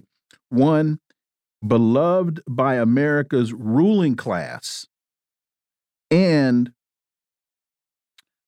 a deeper shame attaches to the country that celebrates him. And Misty, what I one of the points that I have been trying to make here is that it's not so much Henry Kissinger as what Henry Kissinger represents.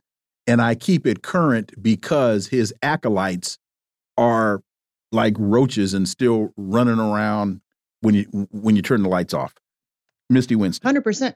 Yeah, 100%. And I think that that's uh it's a little bit it's a kind of a catch 22 because obviously um, uh, it's fantastic that Henry Kissinger has left this earth. The world's a better place without a minute. And I don't apologize for saying that. However, the man lived to 100 years old and he, with zero accountability. And you're right, the influence that he has had over um, you know, other members uh, who are in high positions of power and who will remain in high positions of power, and the influence that he's had on uh, United States foreign policy and other things uh, is his legacy. And unfortunately, I think it's probably going to be lasting. So, um, yeah, it, it's kind of a catch 22. and I, I think that Rolling Stone, not a huge fan of Rolling Stone, uh, but I do think that they're right. There is an immense amount of shame attached to a country that would idolize somebody like Henry Kissinger.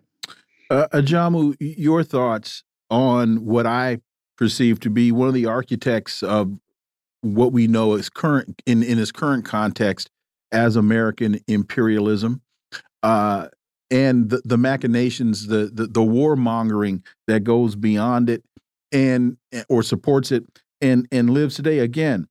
Beloved by, first of all, talk about it in a class construct, if you could. Beloved by America's ruling class. Uh, we we have to we have to bring him bring him back up.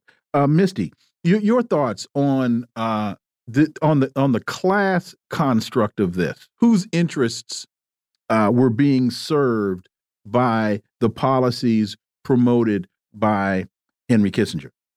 Well, I don't think there's any question. It was very obviously uh, the very wealthy. Um, uh, you know, it's uh, we've seen the United States foreign policy play out exactly uh, as that. We're seeing that right now. I mean, we're seeing that all across the globe where um, you know, our foreign policy conquests have nothing to do with democracy or sovereignty or humanitarian efforts. Um, we try to frame it in that way to make it palatable to the masses, uh, but really, it's all about uh, lining the pockets of the rich and uh, powerful, uh, lining the pockets of the CEOs of Raytheon and Boeing and all of those cretins. Um, and I think Henry Kissinger is really the uh, one of the guys who revolutionized that way of thinking and that uh, that aspect of our foreign policy. And um, again, unfortunately, I think that that legacy is going to continue long past his death.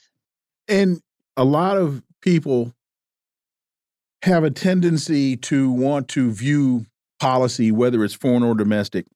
They want they have a tendency to want to view this policy in uh, in, in binary terms. That oh, if we if we if we get rid of Donald Trump, then the the world will be better. Or oh, if we get yeah. rid of Joe Biden, the the world will be better. Uh, but what I think Henry Kissinger represents is this is American policy, and no matter who the commander in chief is, no matter who is sitting behind that seat in the Oval Office, the policy is the policy.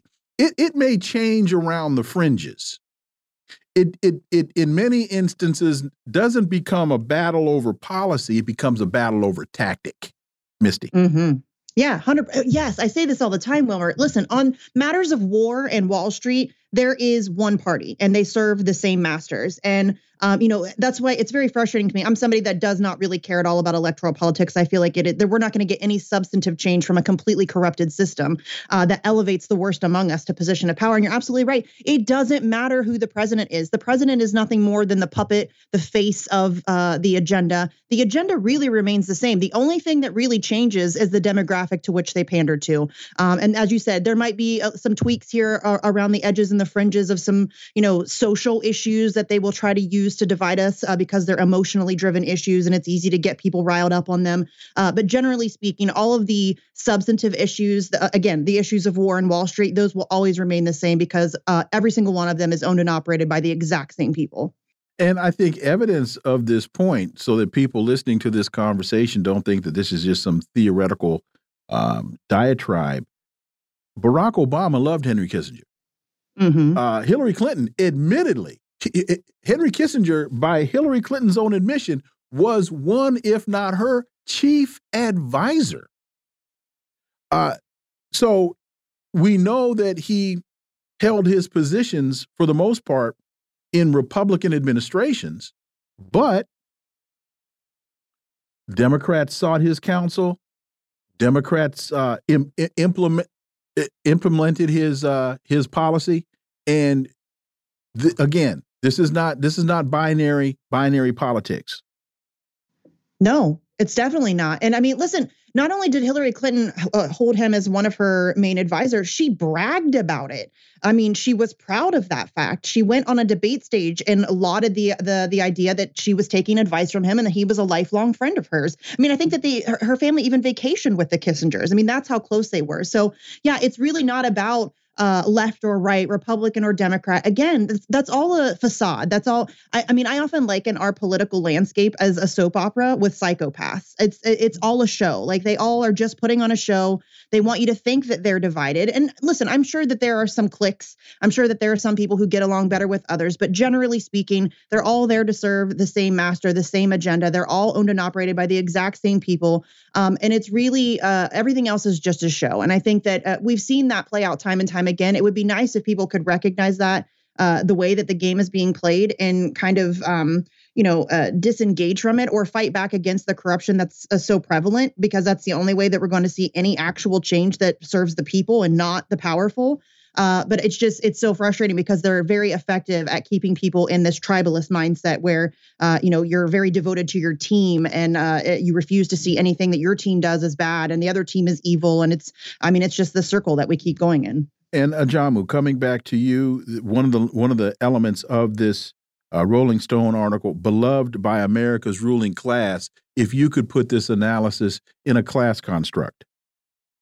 Well, I think you were you were touching on this. Uh, that basically, in Henry Kissinger and, and the policies that he advanced were the policies of the the U.S. bourgeoisie, the most powerful uh, class to emerge after the end of the Second Imperialist War, um, and so so this idea of him sort of personifying uh, evil um, to me is just, is is really sort of an intellectual diversion because if he does personify evil, it is the evil of the policies of the uh, U.S. ruling class, the, the, the, predominant element of that ruling class. So I don't buy into all of this this notion about uh, Kissinger and what he supposedly represented. I mean, the thing that I tweeted out the other day was that there's an individual walking around uh, who's been lauded by the same ruling class, uh, who has actually more blood on his hands uh, than Henry Kissinger, and his name is Barack Obama.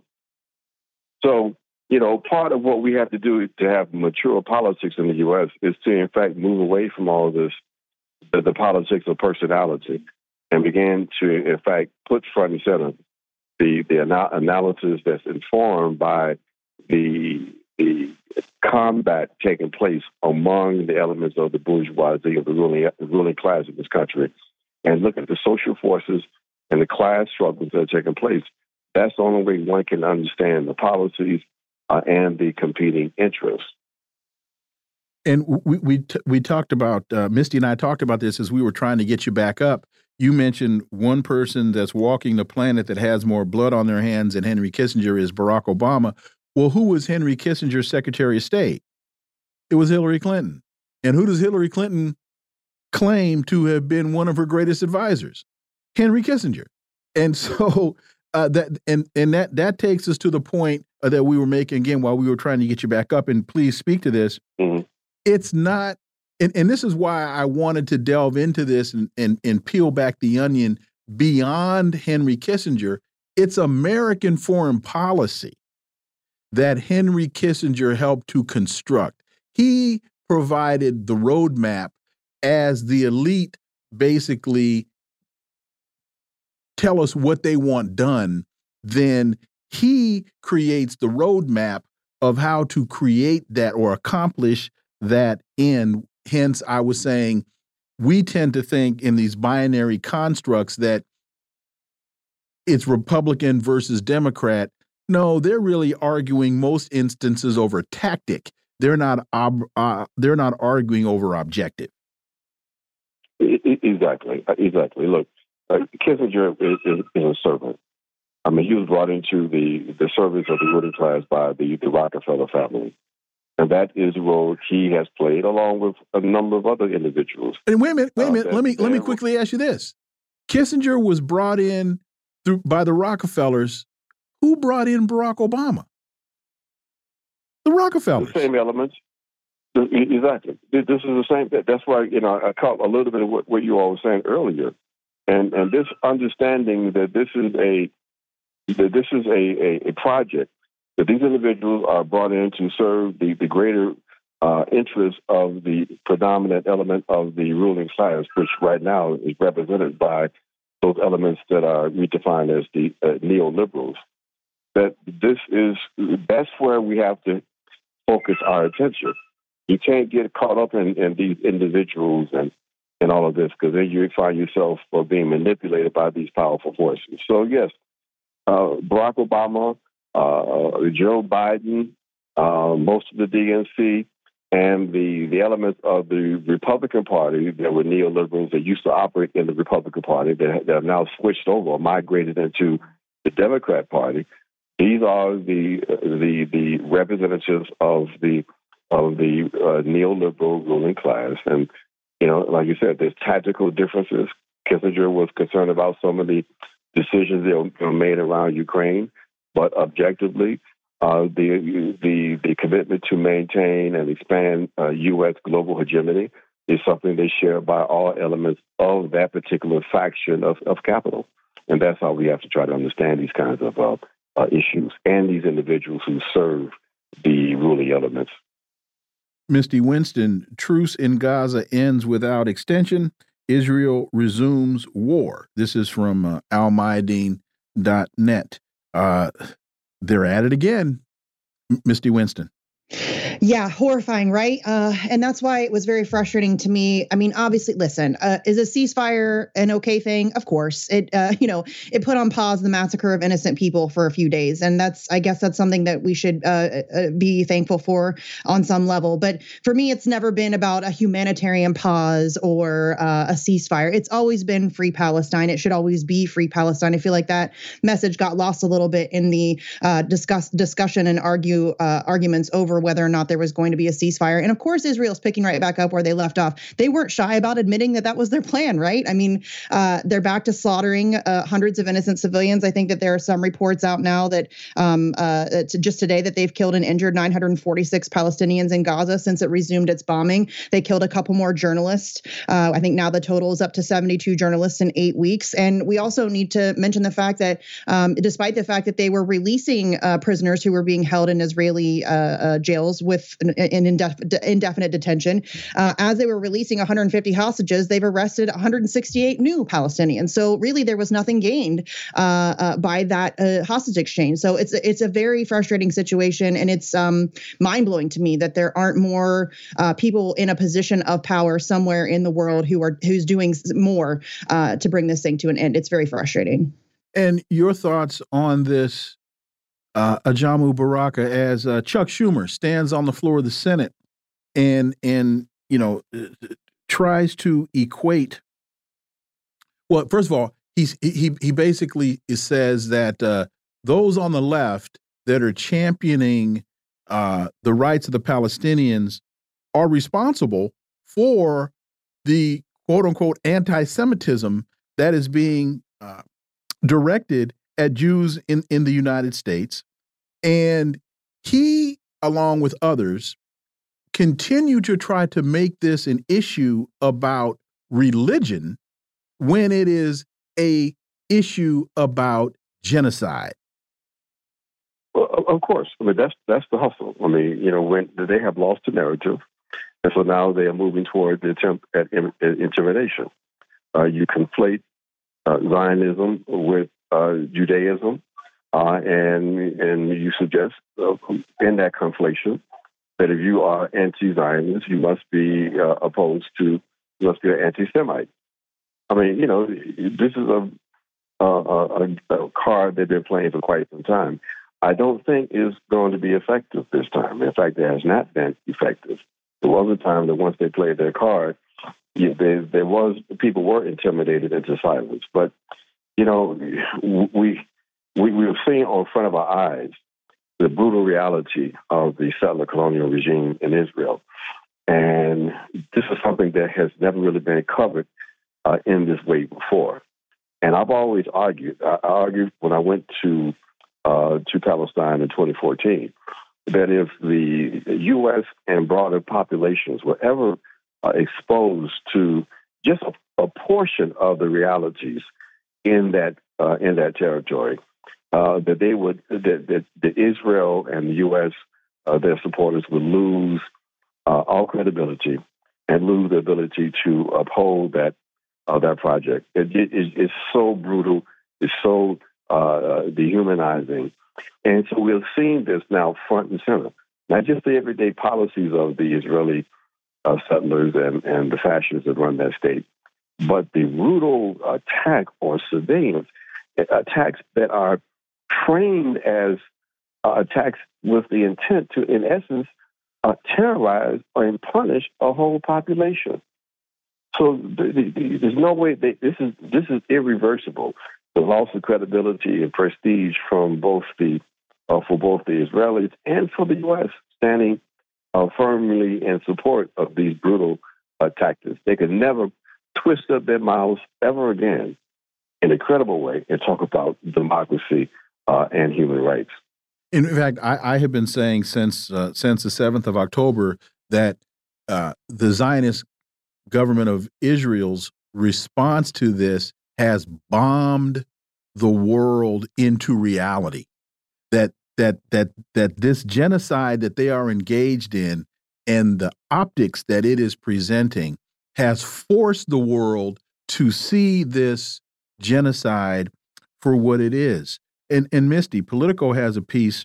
Activists wanted a Middle East ceasefire. They got something else from Dems.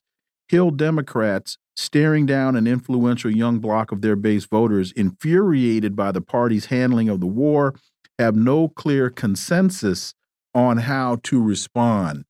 And this to me highlights what they consider to be a dilemma, but to me, there's no dilemma at all here the political versus the moral. And I say all the time, you can't compromise in the sake or for the sake of political expediency on the front end and then try to claim the moral high ground on the back end. Those two things, too many times, are going to be inconsistent, particularly in our current politics. Misty Winston. 100% agree with you. And everything Ajamu said is absolutely correct. Uh, I think that that's what's been, uh, for me, as somebody who is really interested in the way propaganda works, um, watching Israel very uh, desperately lose control over the narrative and watching, uh, and I think that what he said is right. That we've never seen this situation be covered in this way. And uh, a huge credit to the unbelievably courageous journalists who are on the ground in Gaza uh, at very real risk to their own personal safety and, frankly, the safety of their family members. I don't think there's any question question about it that journalists are being targeted there.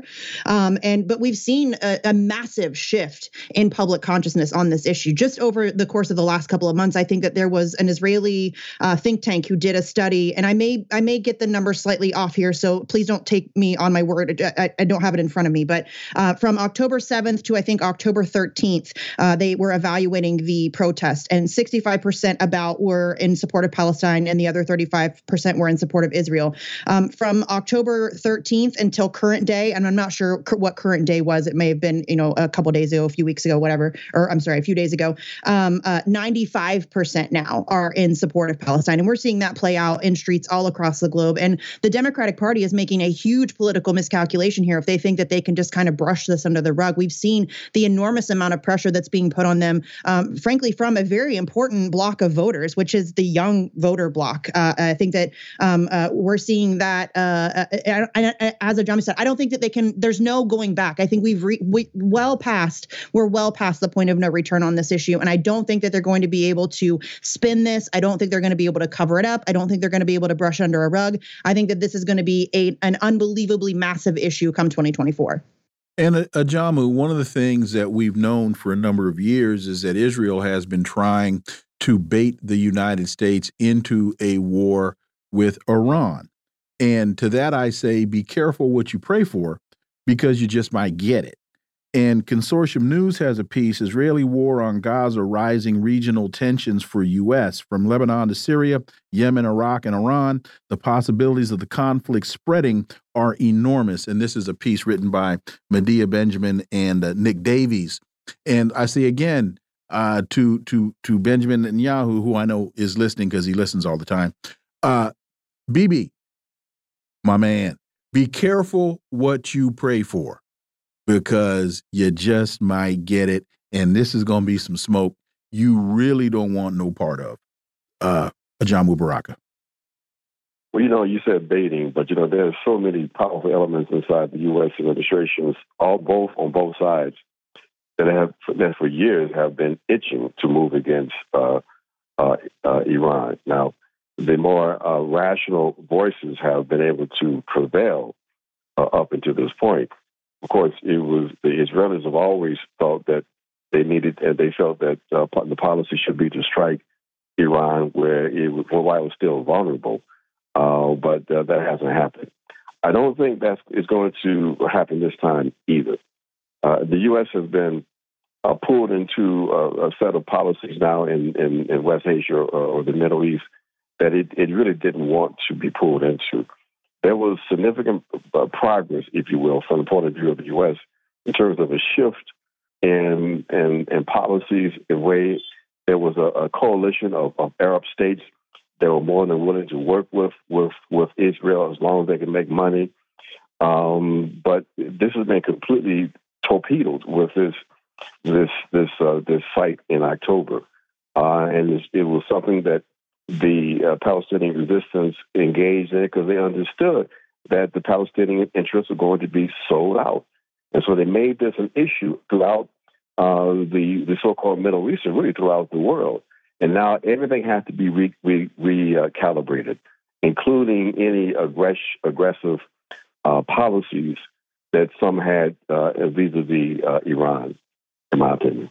And as we get out, we got about a minute and a half, Misty. One of the of, of all the various analysis and whatnot that have have been presented, when the United States announced that they were sending the the Gerald Ford aircraft carrier into the Mediterranean, President Putin responded by saying, "I don't know why you're doing that. I don't know who you think you're going to scare. These people don't scare." And that I think went over the heads of a lot of folks. But I think that what he really gets to here is the Palestinians are in it to win it. And uh, quickly, uh, your thoughts, Misty Winston. Well, there's no doubt about it. I think the Palestinians at this point have nothing left to lose. They've been under uh, brutal occupation, uh, being uh, subjected to some some of the most inhumane treatment for over seven decades now. Um, and I think that the, we've really reached a boiling point on this issue. And Putin's absolutely right. People were going to come for me for saying that, but he is absolutely right. They don't scare. They have nothing left to lose. And I think that there's a massive shift happening geopolitically. Um, uh, and uh, the United States, American exceptionalism is making it really difficult for Americans to wrap their heads around that situation but it's very real and it's happening. Uh, and I don't think that there's going to be a, a, way to stop it at this point. And we have just about a minute, uh, uh, Jamu, and now we have reports that oh, Israel had this, knew about this a year ago, and the New York Times is saying they saw the blueprint. Your thoughts? Well, look, you know, it, that may in fact come out. I think that we don't want to get into that right now. It's a bit of a diversion. I think uh, uh objectively, it was it in the interest of the uh, Netanyahu government for this to occur in that way? And I think it was. So we'll see how this unfolds. But uh, uh are they cynical enough to do that? I think they are. So you know, the consequence has been massive uh, death for the Palestinians. Misty Winston and Ajamu Baraka, thank you both so much for your time. Greatly, greatly appreciate that analysis. I look forward to having you back. Thanks, Wilmer. Appreciate it. Thank you. Thank you. Folks, You've been listening to the Critical Hour here on Radio Sputnik. Thank you for allowing my voice into your space. I hope you were informed and enlightened, and I look forward to talking with you all right here next week on Radio Sputnik. Be safe. Peace and blessings. I'm out.